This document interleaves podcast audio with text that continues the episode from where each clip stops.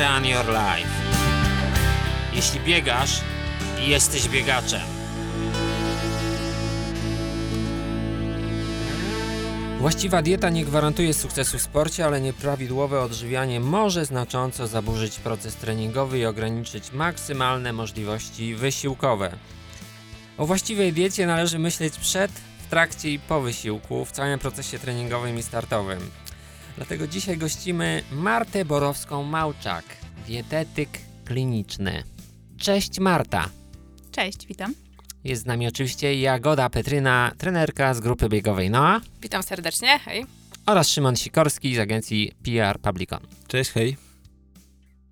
To co, Marta, spodziewałaś się, że będzie właśnie tak? Że zaczniemy od tym, że dieta to jest taka historia indywidualna i musi być dopracowana dla, dla danego zawodnika i musi być zgodna z taką periodyzacją treningową? Um, prawdę mówiąc, nie do końca. Um, raczej myślałam, że tutaj będziemy rozmawiać o takich konkretnych e, rzeczach typu zapotrzebowanie, ile węglowodanów, ile białek, ile tłuszczu, prawda? I że e, wspomniałeś na początku, że dieta jakby może mieć wpływ na wyniki sportowe, ale też jakby nie do końca, co mnie dosyć zainteresowało. A być może ja to źle gdzieś tam zrozumiałam, ale no jest to temat ciekawy. Marta, powiedz nam, co jeść, żeby wygrywać. E, A tak poważnie, to powiedz, czy właśnie odpowiednio zbilansowana dieta ma wpływ na nasze życie, na poziom nasz sportowy? E, Jak to się przekłada na jakość naszego życia i tak później na właśnie poziom sportowy? Ogólnie e, dobra dieta to jest gwarancja sukcesu nie tylko w sporcie, ale także jest gwarantem jakby długości naszego życia, a tak naprawdę długości życia w zdrowiu, a, a nie w chorobie. Więc tutaj, jeżeli mówimy o jakby aktywności fizycznej, no to wiadomo, że em, wszystkie te elementy są po coś, żeby nam e, jakby sprzyjały. Mam tutaj na myśli właśnie te wspomniane wcześniej białka, tłuszcze czy węglowodany, ale także witaminy, e, minerały. One sprzyjają, wiadomo, y, lepszej em, wydajności, regeneracji powysiłkowej, nie wiem, tworzeniu masy mięśniowej, czy wręcz spalaniu tkanki tłuszczowej. Także to wszystko, jakby cała zbilansowana dobrze dieta, no zdecydowanie ma tutaj e, kluczowe znaczenie w mojej ocenie. A co znaczy zbilansowana, dobrze dieta? Um, prawdę mówiąc, to tutaj mam taką trochę ciekawostkę dobrze zbilansowana, bo wiadomo, że utrzymuje się takie e, powszechne przekonanie, że powinno być około, nie wiem, 55-65% węglowodanów, prawda, jako dzienne zapotrzebowanie, e, białka na poziomie 15-20, czy tłuszczu na poziomie 20-25. Em, Natomiast w mojej ocenie no, nie do końca to się sprawdza, prawda? I jako dietetyk kliniczny bardziej się zajmuję tą szarą strefą, że tak powiem. E, czyli jakby wpływem tych e, takich specjalnych produktów, e, m, które sportowcy jakby spożywają i ich oddziaływaniem na organizm. Niejednokrotnie jest to związane na przykład z jakimiś problemami żołądkowo-jelitowymi, prawda? I tak by to jest moja m, taka, m, no nie wiem, Czyli Mój takie podejście konik. bardziej indywidualne bardziej do osoby podejście, po. Mhm. zdecydowanie podejście A indywidualne. jeśli chodzi o rodzaj uprawianej dyscypliny sportu, to te proporcje też się w jakiś sposób różnią, czy jak to wygląda? Trochę się różnią, ale a propos, bo powiedziałam o takiej ciekawostce, a nie, nie, nie, nie powiedziałam tej ciekawostki. Na jednym ze szkoleń, to jest szkolenie z Harvard Medical School, a, mówiono nam, że tak naprawdę jakby te wartości, na, których opieramy nasze jakieś tam e, wyliczenia, e, nie do końca e, są słuszne i nie do końca są poparte badaniami, prawda? Więc wiadomo, że tutaj e, sportowcy to sprawdzają niejednokrotnie po sobie, czy taka ilość węglowodanów faktycznie służy, mi służy, czy ewentualnie powin, powinienem, czy powinnam zwiększyć ilość e, białka po to, żeby się lepiej regenerować, a tak naprawdę na cały proces chociażby regeneracji e, ma wpływ nie tylko białko, ale też to, jakie mamy zapasy tak naprawdę witamin czy minerałów. Prawda? A o nich się najmniej mówi. Mówi się tylko o głównych, o makrach, BTW i tyle. E, To w takim razie ja trochę jako laik jakby w kwestiach diety, poza taką wiedzą bardzo ogólną, mam, mam takie pytanie, tak? Bo też jakby znam tą taką piramidę potrzeb, ale jak ja y, powinienem indywidualnie szukać tych y, optymalnych dla siebie rozwiązań? Mhm. Zapraszam na wizytę. na wizycie e, w gabinecie. Ale tu ja się ma- muszę przedtem zbadać na przykład, tak? Na przykład, czyli nie, jakby pierwsza wizyta jest celem poznania przypadku pacjenta, czyli ja sprawdzam, z czym mam do czynienia i ewentualnie wtedy właśnie zlecam badania, żeby były bardziej konkretne i bardziej dopasowane do danego e, pacjenta, bo wiadomo, można pójść do laboratorium, zrobić wszystko, a później e, zlecić mi to, żebym ja szukała dziury w całym, prawda? I to bywa trudne, dlatego ja na wizytach e, przeprowadzam bardzo obszerny wywiad żywieniowy, przeprowadzam też taki specjalny wywiad e, zdrowotny, przeprowadzam taką ankietę funkcjonalną, gdzie sprawdzam jakby, gdzie są słabsze tereny w organizmie i te słabsze tereny mam na myśli bardziej, czy jest problem na przykład z detoksykacją organizmu, czy jest problem z jakąś, nie wiem, e, z sytuacją w jelitach, prawda, czy w żołądku.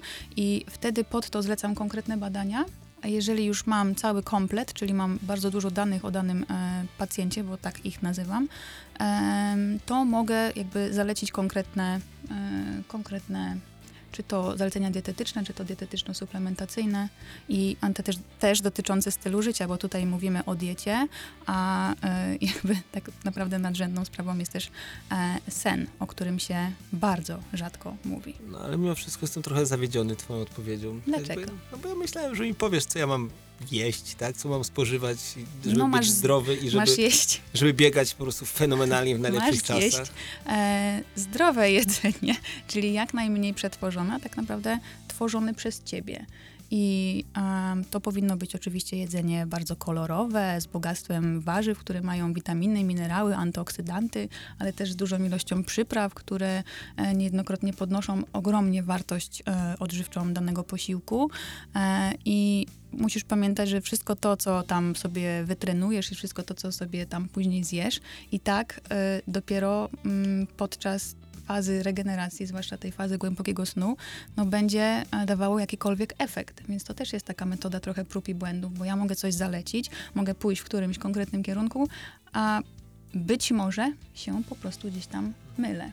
A jak ja mam ten taki barometr w sobie zainstalować, żeby czuć, czy to działa, czy to nie no działa? właśnie to jest, to jest dosyć zaskakujące, bo e, pacjenci mm, rzadko czują swój organizm. No. Czyli e, idą, napierają, e, nie patrzą na to, czy coś się tam z nimi dzieje, czy ich boli, czy ich kuje. Zawsze twierdzą, że im przejdzie. Jest to, wiadomo, jakieś tam e, też niezłe podejście, no to tworzy e, obraz danego człowieka, jego charakter buduje i tak dalej, ale każda jakby informacja z ciała powinna być przez nas w jakiśkolwiek sposób em, mm, to jest dla nas Czyli należy czytać swój organizm, swoje Dokładnie. ciało, Ale obserwować czekaj, cały czas. dzienniczek prowadzić, na przykład, nie wiem, zastanawiać się nad tym, tak? też prowadzić dzienniczek. Dzienniczek jest taką wyjściową zdecydowanie, dzięki, że o tym wspomniałeś.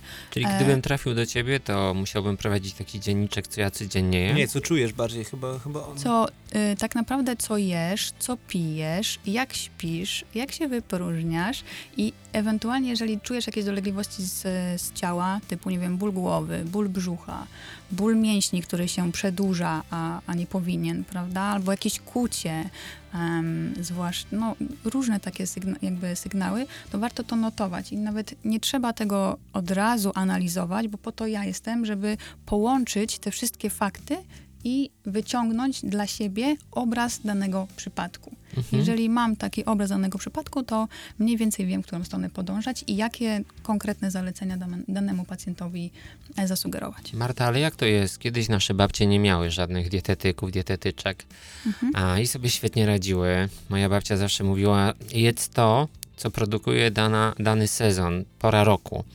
E, Ja uważam, że to jest bardzo fajne podejście i, i co ty myślisz o tym i dlaczego się tak dzieje, że dzisiaj zawód dietetyka jest taki popularny, Mhm. zwłaszcza klinicznego? Mhm. To, że babcie e, na tamten czas nie chorowały, ma wiele zmiennych. To było Co na związane e, z powietrzem, to było związane z jakością pożywienia. Zupełnie inne to było e, wtedy jedzenie. Też nie było takiej ilości stresu. Poza tym też była większa ilość ruchu, czyli nie takiej aktywności, która była przez nas gdzieś tam, no, nie, nie, przeforsowywana, tak to nazwijmy, bo wiadomo, że e, jakaś tam taka y, mocniejsza aktywność fizyczna to jest jednak e, forsowna e, sprawa dla organizmu i mm, to jest jedna strona, jakby jedna strona medalu. Natomiast drugą stroną medalu jest fakt tego, że niestety te babcie, które teraz mamy, a które żyły kiedyś, też mają jakieś choroby, prawda? I to też jest związane jakby z tym, jaką teraz mamy znowu jakość pożywienia i widać czarno na białym, że coś poszło nie tak, prawda?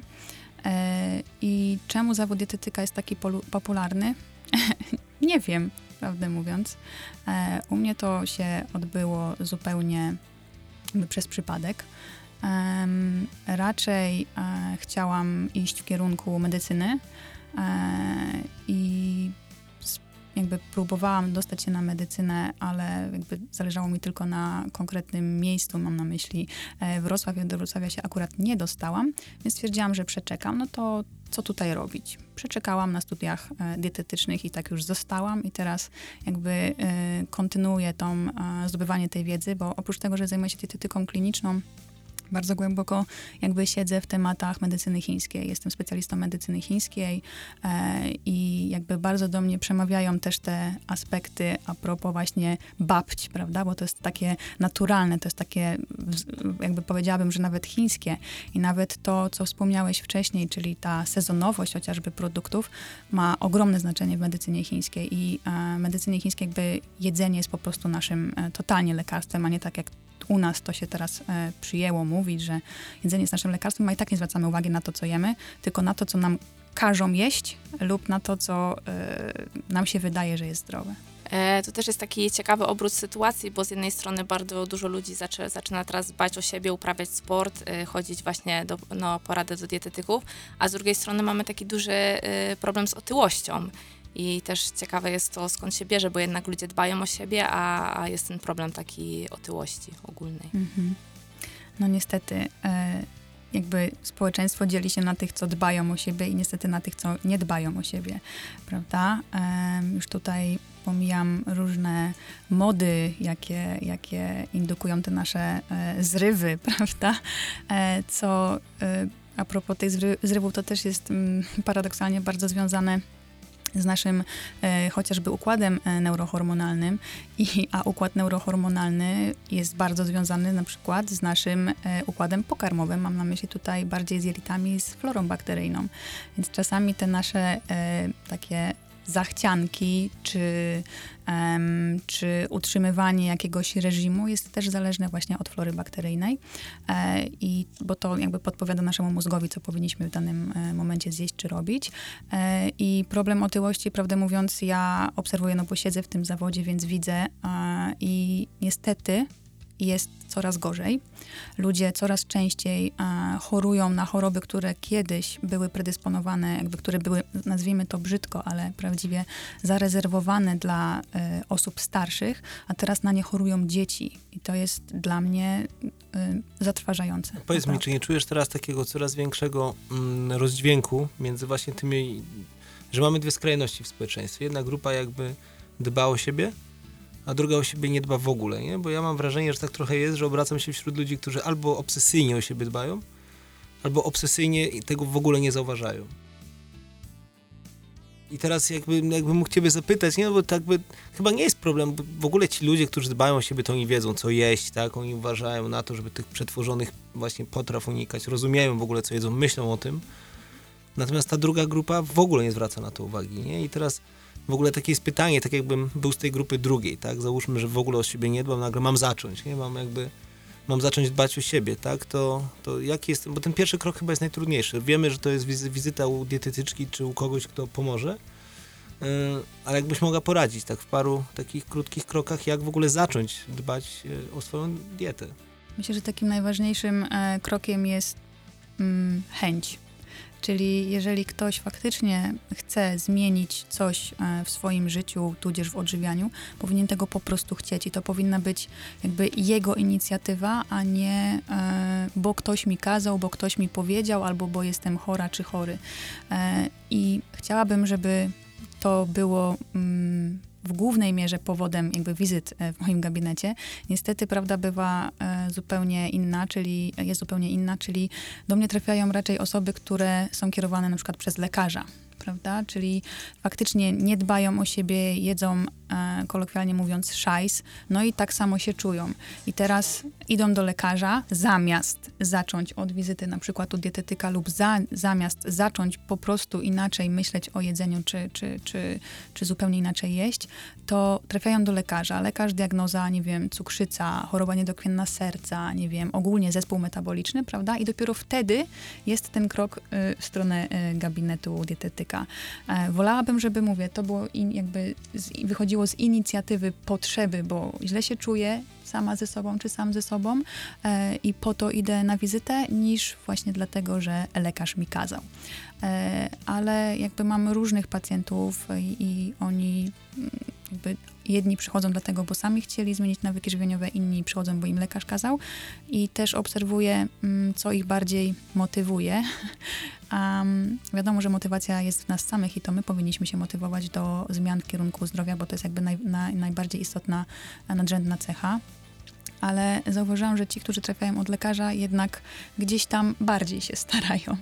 No i co tutaj teraz z tym faktem zrobić? Wiadomo, że jeżeli mamy leczenie, no to już przyjmujemy jakieś leki.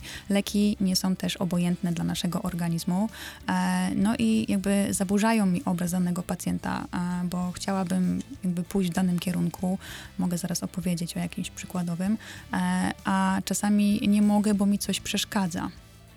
E, I szkoda, no bo można by było wprowadzać małe zmiany, typu, nie wiem, zacząć spacerować, zacząć myśleć o tym, żeby się wysypiać, e, zacząć, e, nie wiem, chociażby zmniejszać talerz, porcje, chociaż to nie do końca są dobre rozwiązania, bo jeżeli mamy przykładowo jakieś problemy z glukozą, insuliną, to ciężko nam jest nie odczuwać głodu, prawda? I takie tłumaczenie typu zmniejsz, zmniejsz talerz, no też nie, nie, nie będzie pomocne dla każdego, ale um, zawsze tłumaczę, że warto zwrócić uwagę, co jest na tym talerzu i mi to pokazać i wtedy na bazie tego, co mi pacjent pokazuje, ja jestem w stanie uchwycić błędy i wytłumaczyć mu, ale bardziej fizjologicznie, czyli pokazuję mu co, z czym i dlaczego e, i co może to powodować, um, wtedy jakby do niego bardziej to przemówi. Słuchaj, a nie jest tak, że trochę jesteś konkurencją dla niektórych lekarzy? nigdy, nigdy tak o sobie nie myślałam. E, pracuję z wieloma e, specjalistami, naprawdę, i chwalę sobie tą współpracę.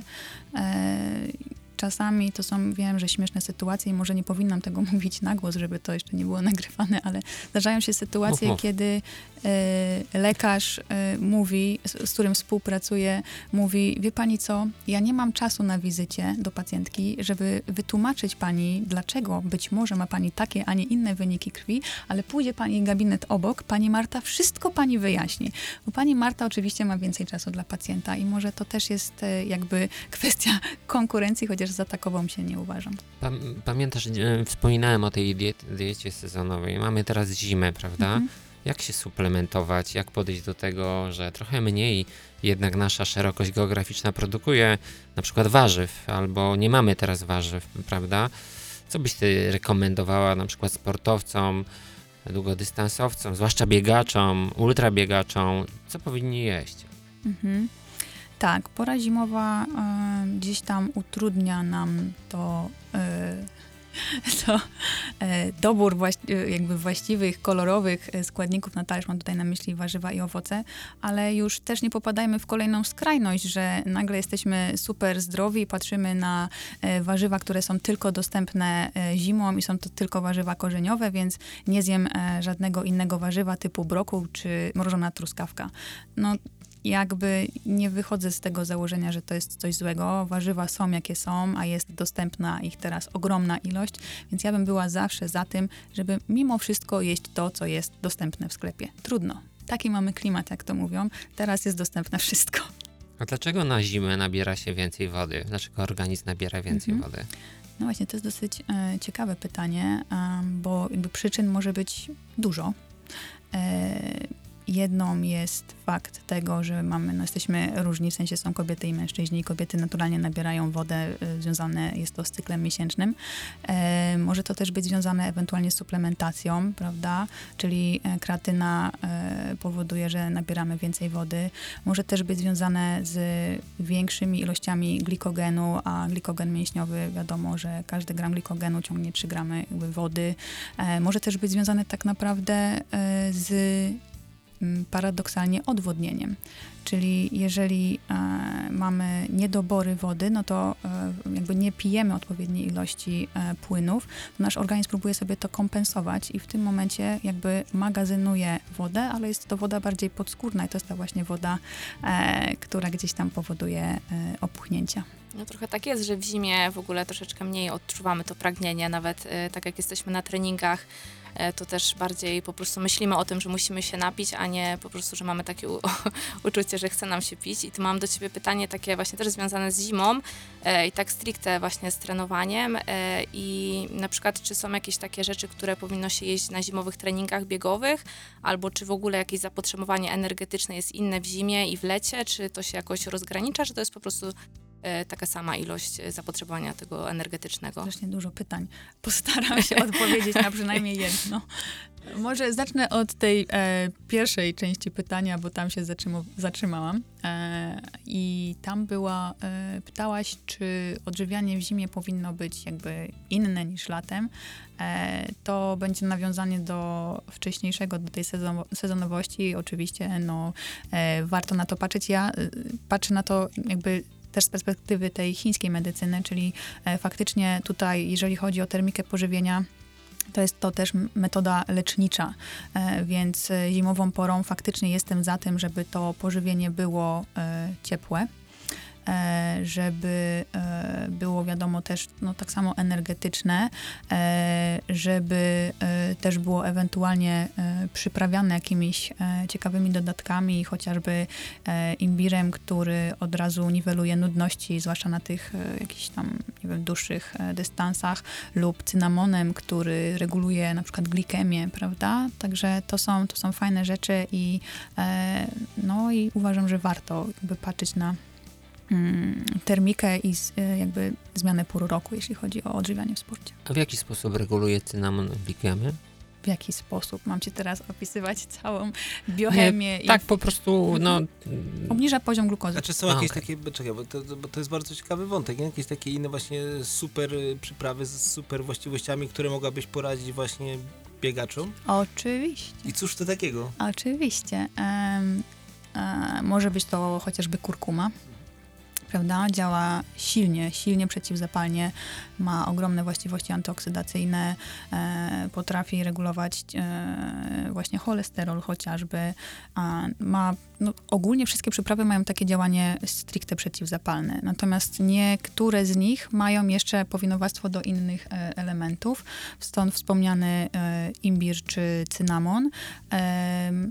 I jest też dużo innych przypraw, takich typowo polskich, które akurat nie są wymieniane w medycynie chińskiej, e, ale też wszystko to działa po to, żeby odżywić się jakby bardziej em, komórkowo niż tylko chociażby e, mięśniowo. Tym się zajmuje przykładowo medycyna mitochondrialna, która też jest moim konikiem. Ale to jakie to te polskie, z polskiego Tymianek, rozmaryn, i na co one działają? Czosnek, Właśnie na e, poziomie... cebula. E, One poprawiają e, odporność chociażby. Wpływają na e, odporność, e, więc warto je na pewno stosować w zimie do przygotowywania e, posiłków.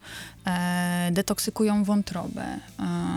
Nasze, nasze warzywa mocno niedocenione, mimo że to nie są przyprawy, o które pytałeś, ale na przykład tak mi się teraz nasunęło, że są warzywa mocno niedoceniane w naszym, naszym jakby Polsce, mam na myśli. E, I są to chociażby warzywa kapustne, prawda, które mają e, ogromne właściwości e, przeciwutleniające, mają silne właściwości detoksykujące organizm, a wiadomo, że e, dobrze zetoksykowany organizm to jest organizm tak naprawdę zdrowy, czyli jakby Ale tylko kiszonki, czy też e, świeże? nie tylko kiszonki. Paradoksalnie kiszonki nie są dla każdego, bo jeżeli e, mamy jakieś problemy z jelitami, no to trzeba zobaczyć, czy dany dany pacjent czy podopieczny toleruje te kiszonki. Jeżeli nie toleruje, a kiszonki są ultra zdrowe, no to wiadomo, że nie będziemy ich po prostu spożywać, no bo jeżeli mi coś nie służy i moje ciało mówi, że to mi nie służy, a ja to jem, to znaczy, że albo jestem no, trochę chora na umyśle, e, albo y, to, że Mhm. albo podlegam modom. To jest w sumie A propos mody właśnie i kiszonek, to teraz nie wiem, czy zauważyłaś, czy zauważyliście, ale połowa mojego Facebooka robiła w tym roku kimchi.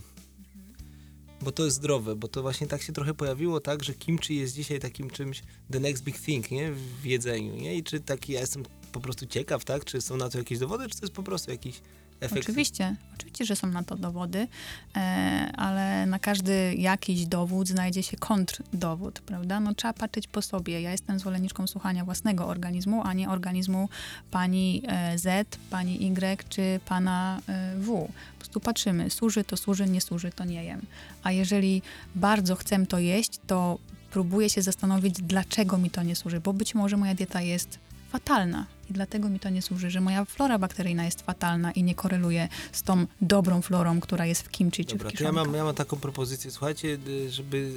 Nie odpowiedziałam Ale zaraz wrócimy do pytanie. pytania Jagody, bo ono jest oczywiście ciekawsze niż te moje pytania, tak? Natomiast... e, To prawda. Wiadomo, tak? Natomiast mam parę takich produktów, jak jesteśmy przy modach, tak? O których jedni mówią, że warto, inni mówią, że nie warto, tak? I są takie produkty podstawowe, bym powiedział, nie? I teraz chleb. Ja, ja lubię, uwielbiam biały chleb. Mhm. I pamiętaj o pytaniu Jagody. To tak, ale jak przejdziemy przez chleb i przez mięso, bo to są te dwie rzeczy, o które chciałem, i mleko, tak? Które chciałem zapytać. Nie? Chciałem zapytać.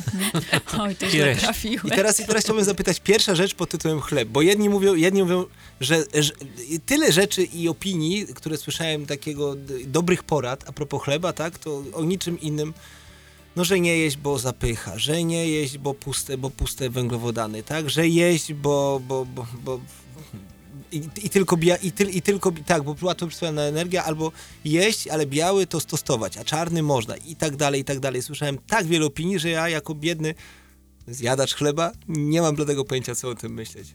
Też. To co ja mam o tym myśleć? A próbowałeś ciemnego? Zdarza się. Mhm. I e, służą ci oba? Nie czuję złego wpływu.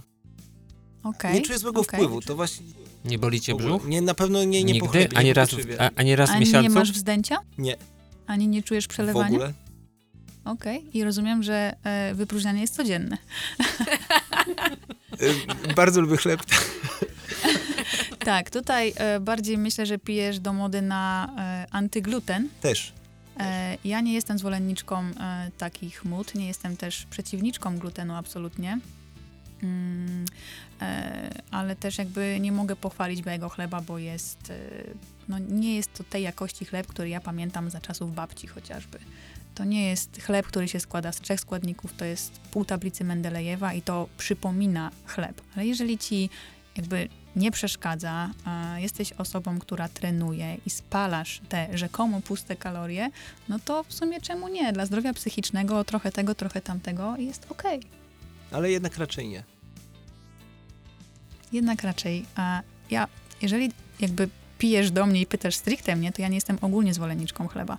Uważam, że jest tak dużo ciekawszych produktów, które można spożywać e, niż chleb, że e, no, mogłabym ci teraz powiedzieć, że no nie jedz tego i tamtego, ale Dobra, drugi produkt. Czerwone mięso. Czerwone mięso e, też jest ok, zwłaszcza dla biegaczy. Tutaj myślimy o żelazie, prawda? Em, I tylko, że e, też trzeba wiedzieć, kiedy je spożywać, czyli na przykład pora dnia chociażby. I też wiedzieć, że nie należy go spożywać za często. Ale bo jest po dnia to prostu kiedy? O to ciężkie. kiedy? Kiedy mam jeść? Wieczorem, Tak. rano? Tak, właśnie zaraz odpowiem. To mm, ogólnie jakby ja się mm, tutaj bardziej skupiam na tak zwanej chronobiologii odżywiania i to e, ma może nie zawsze odzwierciedlenie, jakby to nie jest zawsze mm, wartościowe być może dla sportowców, zwłaszcza zawodowych, e, no bo ta chronobiologia, chronobiologia odżywiania polega na tym, że my sobie dzielimy jakby dzień na pół. I pierwsza połowa dnia jest bardziej dla białek, a druga połowa dnia jest bardziej e, dla węglowodanów. Dlaczego tak? Dlatego, że raz, białko jest ciężkostrawne, dwa, białko jest budulcem, więc białko jest potrzebne po to, żeby wiele elementów w naszym ciele mogło się zbudować i dajemy mu na to cały czas, cały dzień. I przykładem może być e, układ e, chociażby neurohormonalny, czyli e, ja obserwuję, nie wiem czy podzielacie moje zdanie, ale obserwuję, że w dzisiejszym świecie, nie wiem, może to jest kwestia akurat pogody, zimy i tak dalej, ale jest bardzo dużo osób o mm, smutnych, no, nazwijmy ich tak, smutnych i To to... jest białko? I to może być związane właśnie na przykład z niedoborem białka. Dlatego, że e, jeżeli przykładowo serotonina, czyli ten hormon szczęścia, jest e, syntetyzowana, mówi się średnio, że w godzinie, godzina 16-17, prawda? I my nie mamy zaplecza białkowego, czyli nie mamy tych aminokwasów, z których ona może się zbudować, no to ona się po prostu nie zbuduje. I tyle. Czyli ta e, chronobiologia odżywiania polega na jedzeniu konkretnych posiłków o konkretnych być może porach, ale bardziej na zasadzie też łatwości strawienia. Czyli tatar na śniadanie raczej niż na Dokładnie kolację. tak. No Dokładnie to to jest tak jakby... Tak, ale kulturowo na przykład się niektórych. przyjmuje raczej, że ra, takie jakieś owsianki, tak, jakieś, nie wiem, takie węglowodanowe rzeczy się je na śniadanie, żeby mieć więcej siły. Bo to kultura, tak jakby taki zwyczaj powielany, nie wiem, przez seriale, tak, przez, przez obrazki, ale też przez reklamę na przykład. W reklamie zawsze na śniadanie to pokazuje się chleb z drzemem, nie? No, albo tosty, dokładnie. I wtedy glukoza szybuje w kosmos, za tym idzie ogromna ilość insuliny i później fundujemy sobie insulino opornych i senność Jak nie chciałbym senny, to rano tak. po prostu mięcho, tudzież inne źródła białka, unikać węglowodanów. Chleba. Tak. Chyba, że tak jak wspomniałeś, bardzo dobrze go tolerujesz, to czemu nie? Dla zdrowia psychicznego. Natomiast u nas panuje takie przeświadczenie, że powinniśmy jeść kanapki na śniadanie, kanapki na e, No drugie śniadanie, kanapki do obiadu, najlepiej jeszcze kanapki na kolację. I e, czasami... Jak e, ziemniaki w Wielkopolsce. No tak, ale to też jest super. takie łatwe i szybkie jedzenie tak naprawdę. Ale czemu I jedzenie ma osób... być szybkie? Czemu jedzenie ma być Bo szybkie? żyjemy Jeżeli szybko, moja je- droga. a jedzenie jest podstawą naszego przetrwania. E, wspominałam o tym, że dlaczego jedzenie miałoby być szybkie, skoro jedzenie jest naszym warunkiem e, przetrwania. E, ja pewnych rzeczy jakby nie rozumiem e, i nie rozumiem, dlaczego tak ludzie do tego podchodzą, e, ale rozumiem, że każdy ma jakąś tam swoją filozofię i ja szanuję każdą filozofię, natomiast na pewno e, jakby staram się przedstawić to na, na podstawie chociażby e, fizjologii jakby organizmu, e, jak to powinno wyglądać, a co z tą informacją zrobi dany pacjent, no to to już jest jego własna historia. A słuchaj, to jeszcze jak jesteśmy przy białkach i śniadaniu, jest taka moda, no i ona jest dosyć duża, nie? Na w, tych bia- dużą konsumpcję tych białek serwatkowych wszelkiego, e, wszelkiego rodzaju, nie? Znaczy, to już nie tylko jest na siłowni. Mam wrażenie, i to pokazują też dane sprzedażowe. Akurat dosyć dobrze znam się na tym sektorze. Tam jest, to jest niesamowicie dynamicznie rozwinięty w ostatnich pięciu latach rynek. I no to się sprzedaje w kilogramach. Są ludzie, którzy od tego dzień zaczynają, po prostu 2, 3, 4, 5 razy dziennie e, właśnie jedzą te białka serwatkowe. Co o tym myślisz? No bo one są syntetycznie pozyskiwane, nie? To nie jest naturalne, to nie jest naturalne białko, to jest wszystko czysta, po prostu czysta, Czysta, czysta chemia, no. dokładnie. No tak. I teraz jakby odpowiem na to pytanie z dwóch stron. Wiadomym jest, że organizm najlepiej toleruje rzeczy, e, które są naturalne. E, natomiast e, też mamy elementy detoksykacyjne w organizmie, między innymi e, wątrobę czy jelito, które muszą sobie radzić z takimi naszymi widzimy się, prawda? No, czasami się zdarza, że dany, dana osoba no, musi zjeść taki, taki produkt, no bo inaczej nie zje nic, albo zje coś jeszcze gorszego. E, wiadomo, że warto edukować wtedy daną osobę, żeby jednak jadła naturalne pożywienie, prawdziwe pożywienie, a nie jakieś izolaty. E, ale życie jest życiem. Jasne. Ja chciałem też e, zapytać ciebie o nawodnienie sportowca, ale takie specjalistyczne. Uważasz, że alkohol w diecie sportowca powinien występować? Czy powinniśmy go kompletnie wyeliminować? Czemu powinien występować? Czy za tym jest jakaś Arek, ciekawa jak- historia? w Arka pytaniach zawsze jest teza z tyłu, tak? Arek jest zdeklarowanym abstynentem, więc on zadał pytanie w taki sposób, żebyś odpowiedziała mu, że kategorycznie nie. Ale ja być może chciałbym to pytanie trochę spłaszczyć i zapytać cię, czy jest to absolutnie wykluczone, czy być może, tak jak niektórzy nasi wcześniejsi goście, zawodowcy, mówili, że czasem kieliszek wina, właśnie psychika i tak dalej, wręcz pomaga bardziej niż przeszkadza. Tak, co to Wszystko. znaczy czasem? Wszystko jest dla ludzi. E, Kwestia też ilości, dawki. E, Także tutaj akurat wino jest ciekawym przykładem, bo wino zawiera e, resveratrol, który jest bardzo silną substancją przeciwutleniającą i I co, mamy codziennie pić to wino? nie codziennie, może nie. E, Szymon? Wie, wie- wiele osób łączy alkohol zaraz od razu z problemami z wątrobą, prawda? I e, wszyscy zapominają o tym, że alkohol najpierw trafia do jelit. I tam ewentualnie się jest pustoszenie, prawda? Więc e, trzeba też popatrzeć na to jednostkowo. Jeżeli ja wiem, że alkohol mi e, gdzieś tam zaburza florę bakteryjną, a od flory bakteryjną, od flory bakteryjnej zależy moje trawienie, wchłanianie, a co za tym idzie e, efektywność mojego e, wysiłku, no to trzy razy się zastanowię, zanim to wypiję. E, ale jeżeli ja już jestem, nie wiem, totalnie zmęczona treningami i gdzieś tam e, wydaje mi się, że to jakby już jest no, nie dla mnie, no to takie, tak jak wspomniałeś, oczyszczenie głowy e, nie jest też specjalnym problemem. Mówię, wszystko jest kwestią dawki. Ja bym chciała wrócić jeszcze do tego pytania na temat energetyki w zimie e, Mhm. i w ciepłych porach roku. Mhm. Jak to wygląda? E, prawdę mówiąc, e, w mojej ocenie jakby nie ma różnicy, czy e, to jest zima, wiosna, czy, czy lato, czy jesień, bo mamy, wyliczamy sobie jakieś zapotrzebowanie, jakby całkowitą przemianę materii i jakby do tego mm, no, nie liczymy tego czynnika pogodowego, prawda?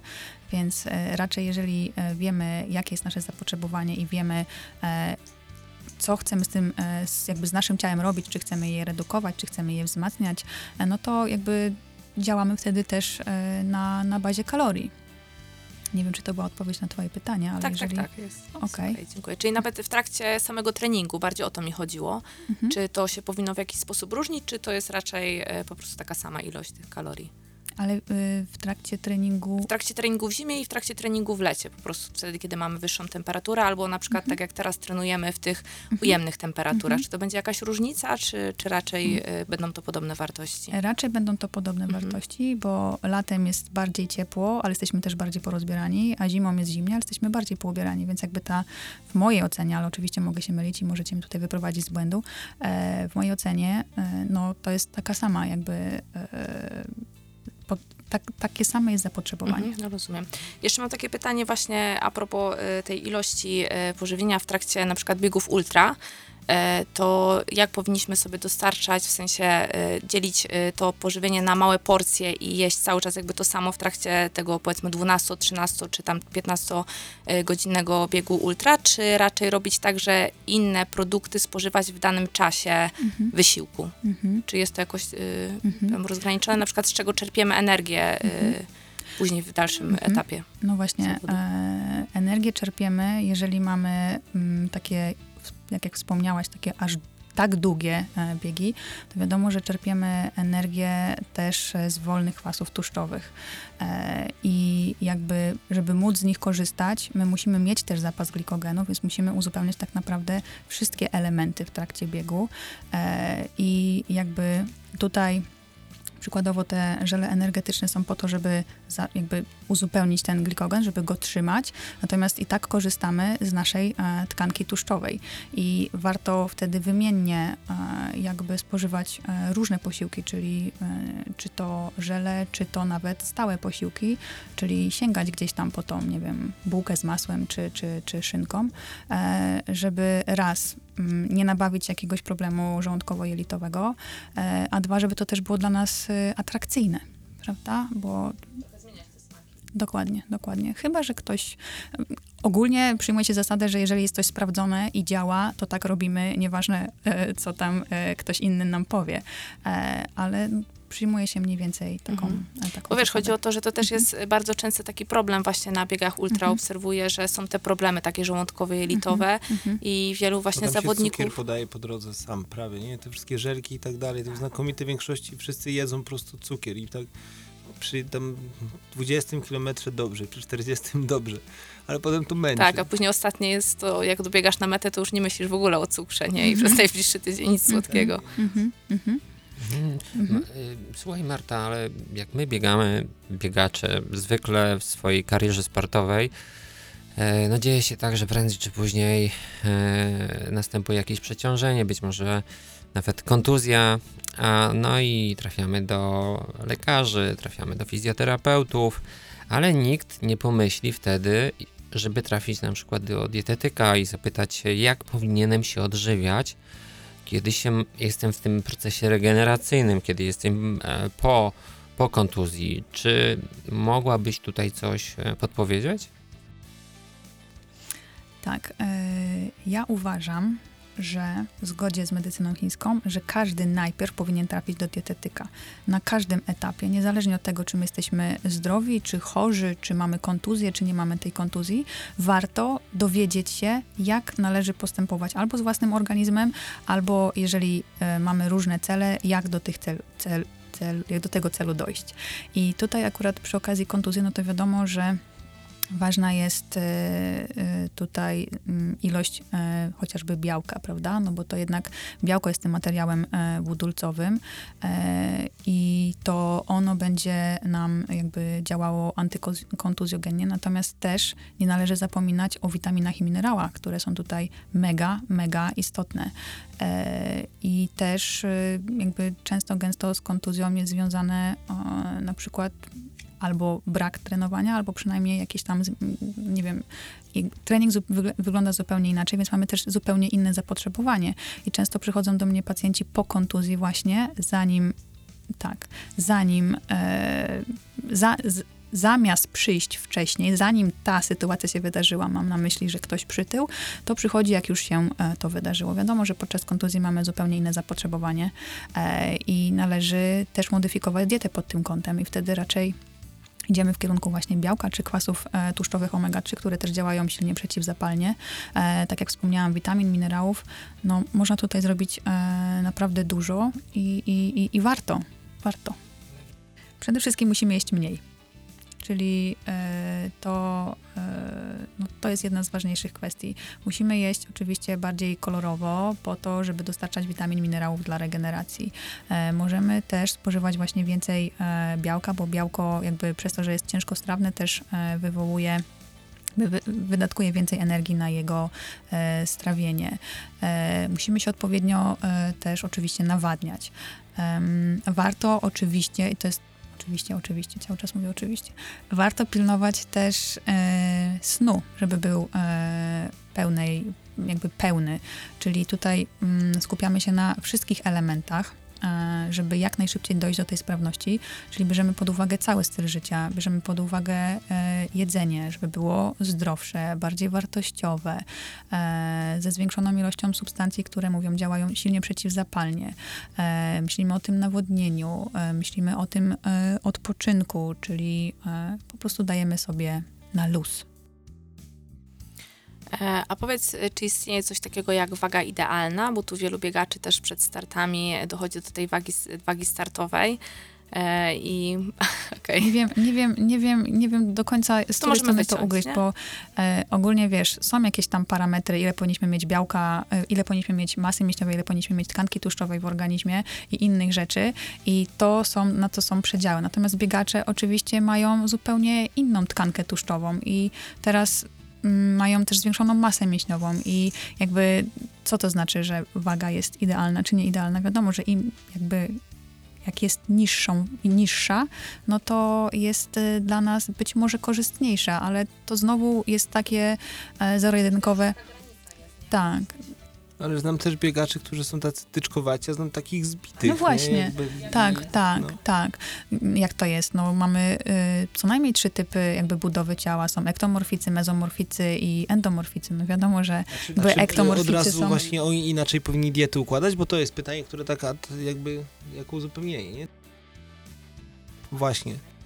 Czy mają Tacy z inne zapotrzebowanie w sumie, tak, na jeżeli chodzi o budowę ciała. tacy szpiteczkowaci. No właśnie ten, ten, ten temat jest jakby e, dosyć trudny tutaj do, do takiego, m, możemy sobie o tym podyskutować na pewno, e, bo mówi się, że e, jedni jakby mają trudności z metabolizowaniem tłuszczu, dlatego nabierają, prawda, inni mają łatwość w metabolizowaniu węglowodanów, więc powinno ich być więcej, ale jak jest naprawdę, to znowu trzeba patrzeć jednostkowo. To, to ja nie pod, jakby nie podchodzę do organizmu jak do e, takiego narzędzia e, jak komputer, czyli ja wpisuję dane i on się zmienia na moje życzenie.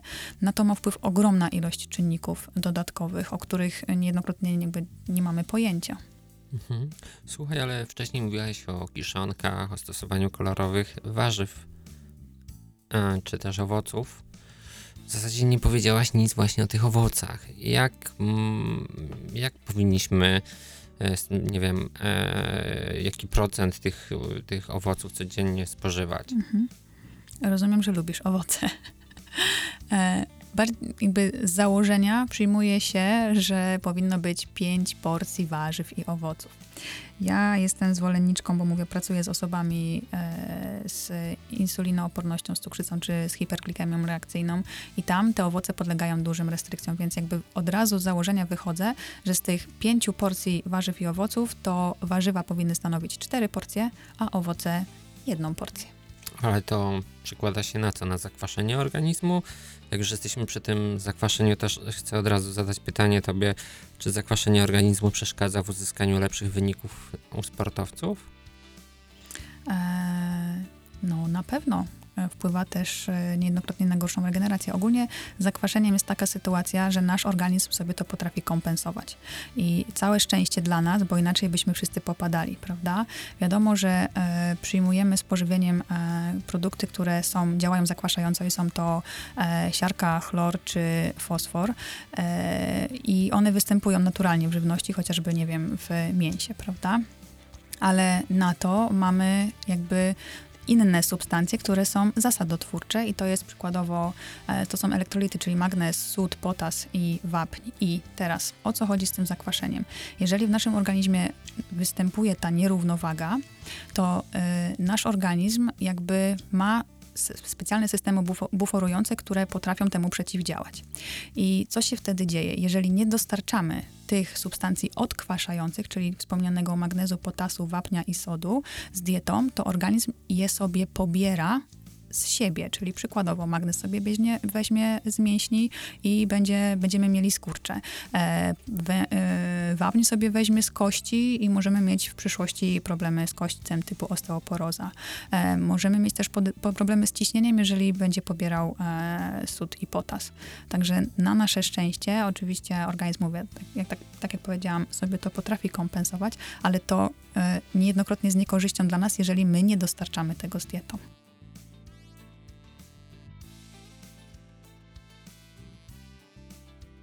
A jeśli chodzi o podział posiłków, bo część y, dietetyków właśnie rekomenduje trzy posiłki, część właśnie pięć posiłków. To jest takie bardzo indywidualne. ocenie czy... jest bardzo indywidualne. co Na pewno należy zadbać o te posiłki okołotreningowe, e, bo są istotne dla naszej regeneracji i kolejnych treningów.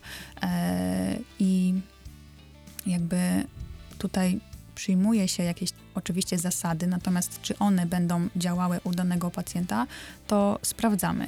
E, Startujemy jakby z, nie wiem, z trzech, czterech posiłków, do tego ewentualnie jakieś dwie przekąski, prawda?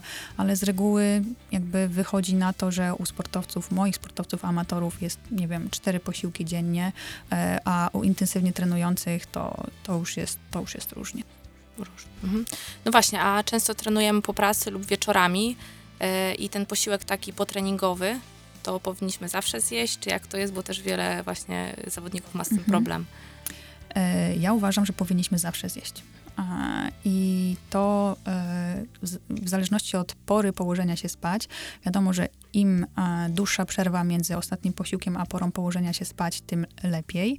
E, I jeżeli mamy jakiekolwiek obawy, no to możemy przecież korzystać także z płynnych e, form ostatniego posiłku, prawda? Czyli nie obawiamy się tego ostatniego posiłku. On ma nam służyć, on ma nas regenerować, On ma nam chociażby przeciwdziałać tym mikrourazom, jakie powstają podczas aktywności. Ten wysiłek, ten posiłek jest naprawdę bardzo istotnym posiłkiem. Inna sprawa, że trening e, warto rozważyć w innych godzinach, ale wiadomo, to już jest Czyli indywidualne. raczej węglowodany po treningu. Raczej węglowodany po Mhm. treningu. No dobrze, to e, dobrze wszyscy wiemy, że amatorzy są nadgorliwi, e, za dużo trenują, za mało odpoczywają. E, ta dieta też nie jest dostosowana, często jednak e, stosują nawet e, alkohol. E, wiem, że to przekłada się i cały czas to powtarzam, bo ja to obserwuję wśród wielu zawodników e, i mówią sobie, od nic się nie dzieje, jak ja się napiję raz na dwa tygodnie, prawda? Czy nic się nie dzieje, jak ja napiję się wino raz w, tygodniu. I mogę wszystko zrozumieć, jak jeden kawałek ciasta nic nie zmieni w, w mojej diecie i nie popsuje mi mojej diety, diety, tak jak nic nie zrobi jeden trening w ciągu tygodnia, prawda?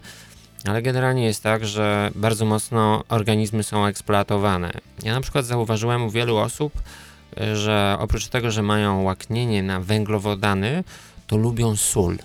Chcą tej soli więcej. Ba, tłumaczą mi, że e, oni muszą więcej solić te wszystkie swoje posiłki, ponieważ brakuje im i słuchają organizmu. To jest Mhm. mit czy prawda? Mhm.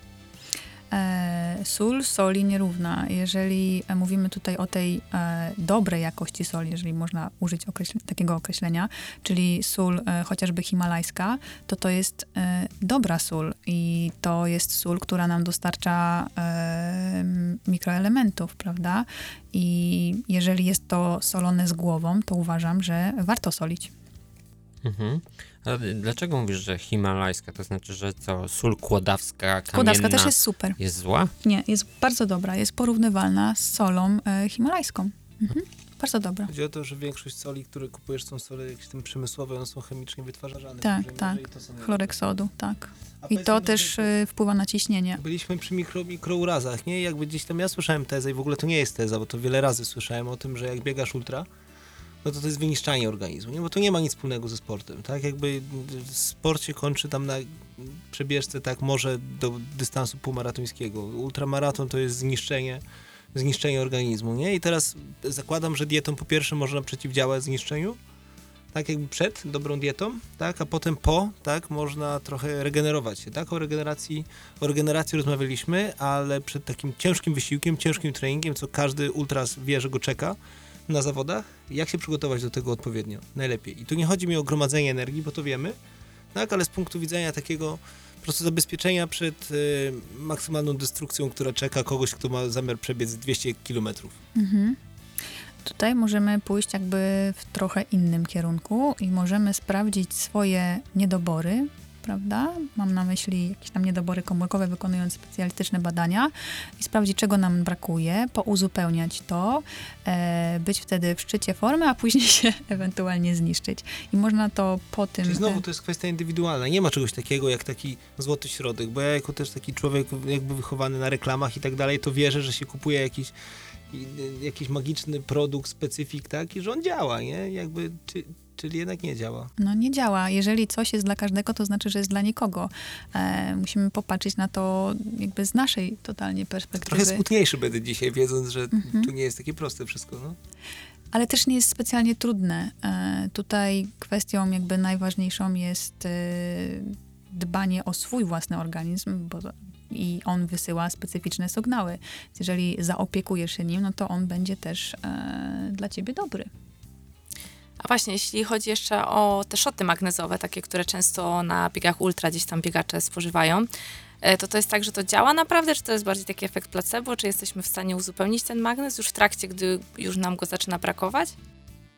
E, teraz kwestia, co rozumiemy pod, wpływ, pod pojęciem zaczyna nam go brakować. Dostajemy skurczy na przykład. okej, No i wtedy najczęściej okej. sięgamy po to Mhm. i Mhm. pijamy taki Okej. szot. E, No niestety, mm, jak ze wszystkim, e, z magnezem jest e, tak samo. My bazujemy, nawet jeżeli mówimy o jakichkolwiek badaniach, to zawsze bazujemy na e, krwi, na surowicy.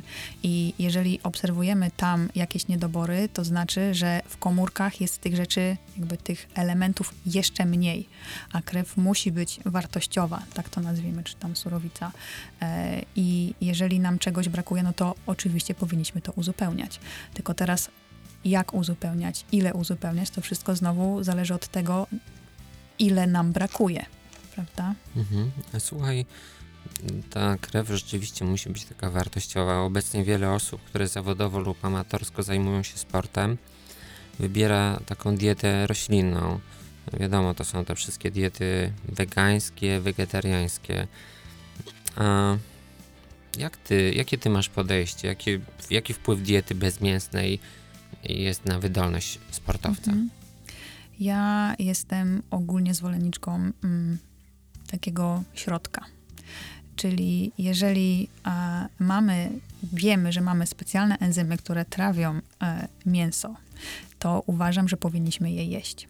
I e, też niejednokrotnie, jeżeli mamy przykładowo problemy z żołądkiem czy z jelitami, to też nas odrzuca czasami od e, tych e, grup produktów i wtedy e, ludzie się zastanawiają nad tymi dietami roślinnymi, prawda? Bo skoro mnie odrzuciło, to znaczy, że to nie jest dla mnie, więc ja teraz będę jeść rośliny. I okej, można tak do tego podejść, natomiast też warto się zastanowić, e, dlaczego mnie odrzuciło, czyli być może mam jakieś niedobory enzymów i warto te enzymy pouzupełniać, żeby, żeby e, móc spożywać te, te, te pokarmy, mam na myśli mięso. E, ja raczej jestem za tym, żeby mimo wszystko jeść mięso, bo tam jest żelazo, tam jest witamina B12 e, i no, można jeść rośliny strączkowe, e, można jeść em, ogólnie roślinki, natomiast te dwa elementy trzeba uzupełniać. I teraz, jeżeli wychodzimy z założenia, że dieta ma nam służyć i ma nam e, uzupełniać em, niedobory i tak dalej, no to podawanie sobie z zewnątrz w postaci tabletek, tudzież suplementów, czy nawet e, kroplówek tych jakby rzeczy, których nie, nie dostarczamy z mięsem, no trochę w mojej ocenie mija się z celem, ale jakby e, szanuję też e, takie wybory. Jeżeli ktoś przychodzi do mnie i mówi, że nie ma opcji, że zostaje na tej diecie, to okej, to ja w to idę i ja sprawdzam. To też jest dla mnie dodatkowa, dodatkowe źródło wiedzy. To jest też dla mnie zawsze jakaś tam e, przygoda, prawda? Tak to przynajmniej e, traktuję. Witamina D jest jedną z takich witamin, która jest istotna też dla, dla, dla funkcjonowania człowieka. Mamy zimę, więc ona, że tak powiem, nie jest w stanie się wytwarzać w istotnych ilościach w organizmie. A, no, niestety brak tego słońca powoduje, że pewnie mamy jej mało. Słyszałem róż, różne opinie na temat, w jaki sposób ją suplementować. Niektórzy uważają, że e, nie da się jej odpowiedniej ilości uzyskać z diety. Słyszę też, że suplementacja taka w pastylkach też nie jest skuteczna, ale też słyszę, że można na przykład suplementować się zastrzykiem, który ma najwięcej jakby tych jednostek. Mm, Co ty uważasz? E, Ja uważam, że suplementacja witaminy D jest bardzo istotna, zwłaszcza w naszej szerokości geograficznej, my po prostu musimy ją suplementować. To jest e, te jakby poziomy, które mamy e, gdzieś tam w badaniach, jeżeli nawet są na mniej więcej tak zwanym dobrym poziomie, to niejednokrotnie wynikają z tego, że robimy badania przykładowo po lecie jeszcze, czyli gdzieś tam w okolicach października czy listopada, gdzie jeszcze względnie mamy jakiś tam zapas, ale już teraz, kiedy mamy luty, to, to są i nam się wydaje, że wtedy mieliśmy dobry, więc ogólnie my mamy dobry poziom. Natomiast teraz mamy już luty i na pewno ten poziom jest zdecydowanie mniejszy. Witamina D jest witaminą ogromnie istotną w naszym funkcjonowaniu. E, szereg funkcji jest od niej zależnych e, i trzeba ją na pewno suplementować. I jak ją suplementować? E, powinniśmy ją suplementować jakby do naszego niedoboru, czyli jeżeli należy najpierw sprawdzić jej poziom, później określić dawkę leczniczą, która jest niejednokrotnie wyższa niż dawka e, takiego dziennego zapotrzebowania, prawda? E, uzupełnić ten marginalny niedobór, znaleźć się od, na odpowiednim poziomie, czyli mieścić się mniej więcej w tych widełkach i później wciąż suplementować, ale już e, dawki podtrzymujące. E, kiedyś była taka, jakby funkcjonowało takie przeświadczenie, że powinniśmy witaminę D e, tylko suplementować w okresie jesień-zima. Natomiast teraz, według nowych wytycznych, powinniśmy ją suplementować przez cały rok. Także e, jak najbardziej, jeśli chodzi o przyswajalność, to jest różnie i to jest pełna dowolność. E, Jeżeli kogoś, e, nie wiem, stać na kroplówki, czemu nie? Jeżeli ja nie uważam, że e, suplementy z witaminą D nie poprawiają jej zawartości. Czyli przez cały rok, tylko po prostu w różnych dawkach, tak? Ta jesień, zima po prostu większą dawkę, a mimo tego w lecie też powinniśmy. Tak, tak, tak, oczywiście. Tak. Jasne. E, chyba, jedno, chyba to będzie już ostatnie pytanie.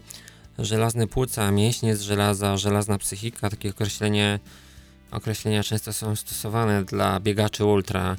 No jak już jesteśmy przy tym określeniu żelazne, no to jak żelazo jest istotne w diecie biegacza, dlaczego jest, jest tak istotne, dlaczego tak się traci łatwo, Co byś ty podpowiedziała biegaczom i jaką dietę ty zasugerowałabyś e, większości osób? No właśnie, a propos żelaza, to raczej bym zasugerowała jedzenie produktów, które je zawierają, a produkty, które je zawierają, to jest mięso i podroby. I takie produkty też powinny się znaleźć na, znaleźć na naszym e, talerzu. Podroby mam na myśli wątróbkę. Wątróbkę. Tak. A co sądzisz o parówkach? Uważam, że e, po to są, żeby je jeść. E, my może mamy wpływ na e, parówki na zasadzie ich jakości bądź braku jakości, więc wybieramy te, które są względnie dobrej jakości. Poza tym są to e, produkty e, ciekawe, bo zawierają też kolagen. Tam są inne rzeczy niż te, do których zostaliśmy przyzwyczajeni, czyli sam mięsień. E, ogólnie człowiek jakby spożywa e, w dzisiejszych czasach wyłącznie mięśnie i zapomniał o tych e, produktach, które są dla nas naprawdę istotne. Mam na myśli e, wątróbkę chociażby, czyli magazyn totalnie żelaza, albo e, serca e, kurze chociażby, które są magazynem koenzymu Q10, em, albo flaczki. Jakby w medycynie chińskiej istnieje takie przekonanie, że powinniśmy leczyć to, co mamy chore tym samym, czyli jeżeli mamy problemy z jelitkami, no to powinniśmy mieć po prostu flaczki. Em, można sprawdzić na sobie, e, ja oczywiście jestem e, zwolenniczką jedzenia podrobów, E, no i tyle w temacie podrobów. A jeśli chodzi o żelazo, ogromnie ważny temat i jest ono zdecydowanie potrzebne i e, wpływa oczywiście na transport tlenu do mięśni, chociażby z tego prostego przykładu. E, natomiast jakby spełnia szereg innych funkcji. O, ogólnie w organizmie żelazo e, wbudowuje się w praktycznie każdy szlak metaboliczny, e, więc jego niedobory powodują, że my zaczynamy czuć się źle. E, I to nie tylko jakby w tym aspekcie, nie wiem, wypadania włosów czy bladości skóry, ale idziemy też w inne e, problemy typu problemy jakieś neurologiczne, prawda, jakieś tam problemy e, w tle mm, psychiczne nawet. Czyli tutaj żelazo jest naprawdę, naprawdę istotnym e, elementem. Marta, te tematy dzisiaj mimo wszystko zostały mm, tak mm, potraktowane powierzchownie. W zasadzie na każde pytanie powinien być oddzielny odcinek podcastu, e, ale, ale bardzo dziękujemy Ci za to, że znalazłaś odrobinę czasu dla nas. To wszystko, co dzisiaj mówiłaś, e, było bardzo sensownie przedstawione i myślę, że wiele osób będzie mogło coś dla siebie też z tego uszczknąć. Bardzo Ci dziękuję. Wierzę, że spotkamy się jeszcze nie raz. No i ten, kto może, to niech pędzi do Marty. Bardzo dziękuję za zaproszenie. Bardzo dziękujemy. Marta. Dziękuję.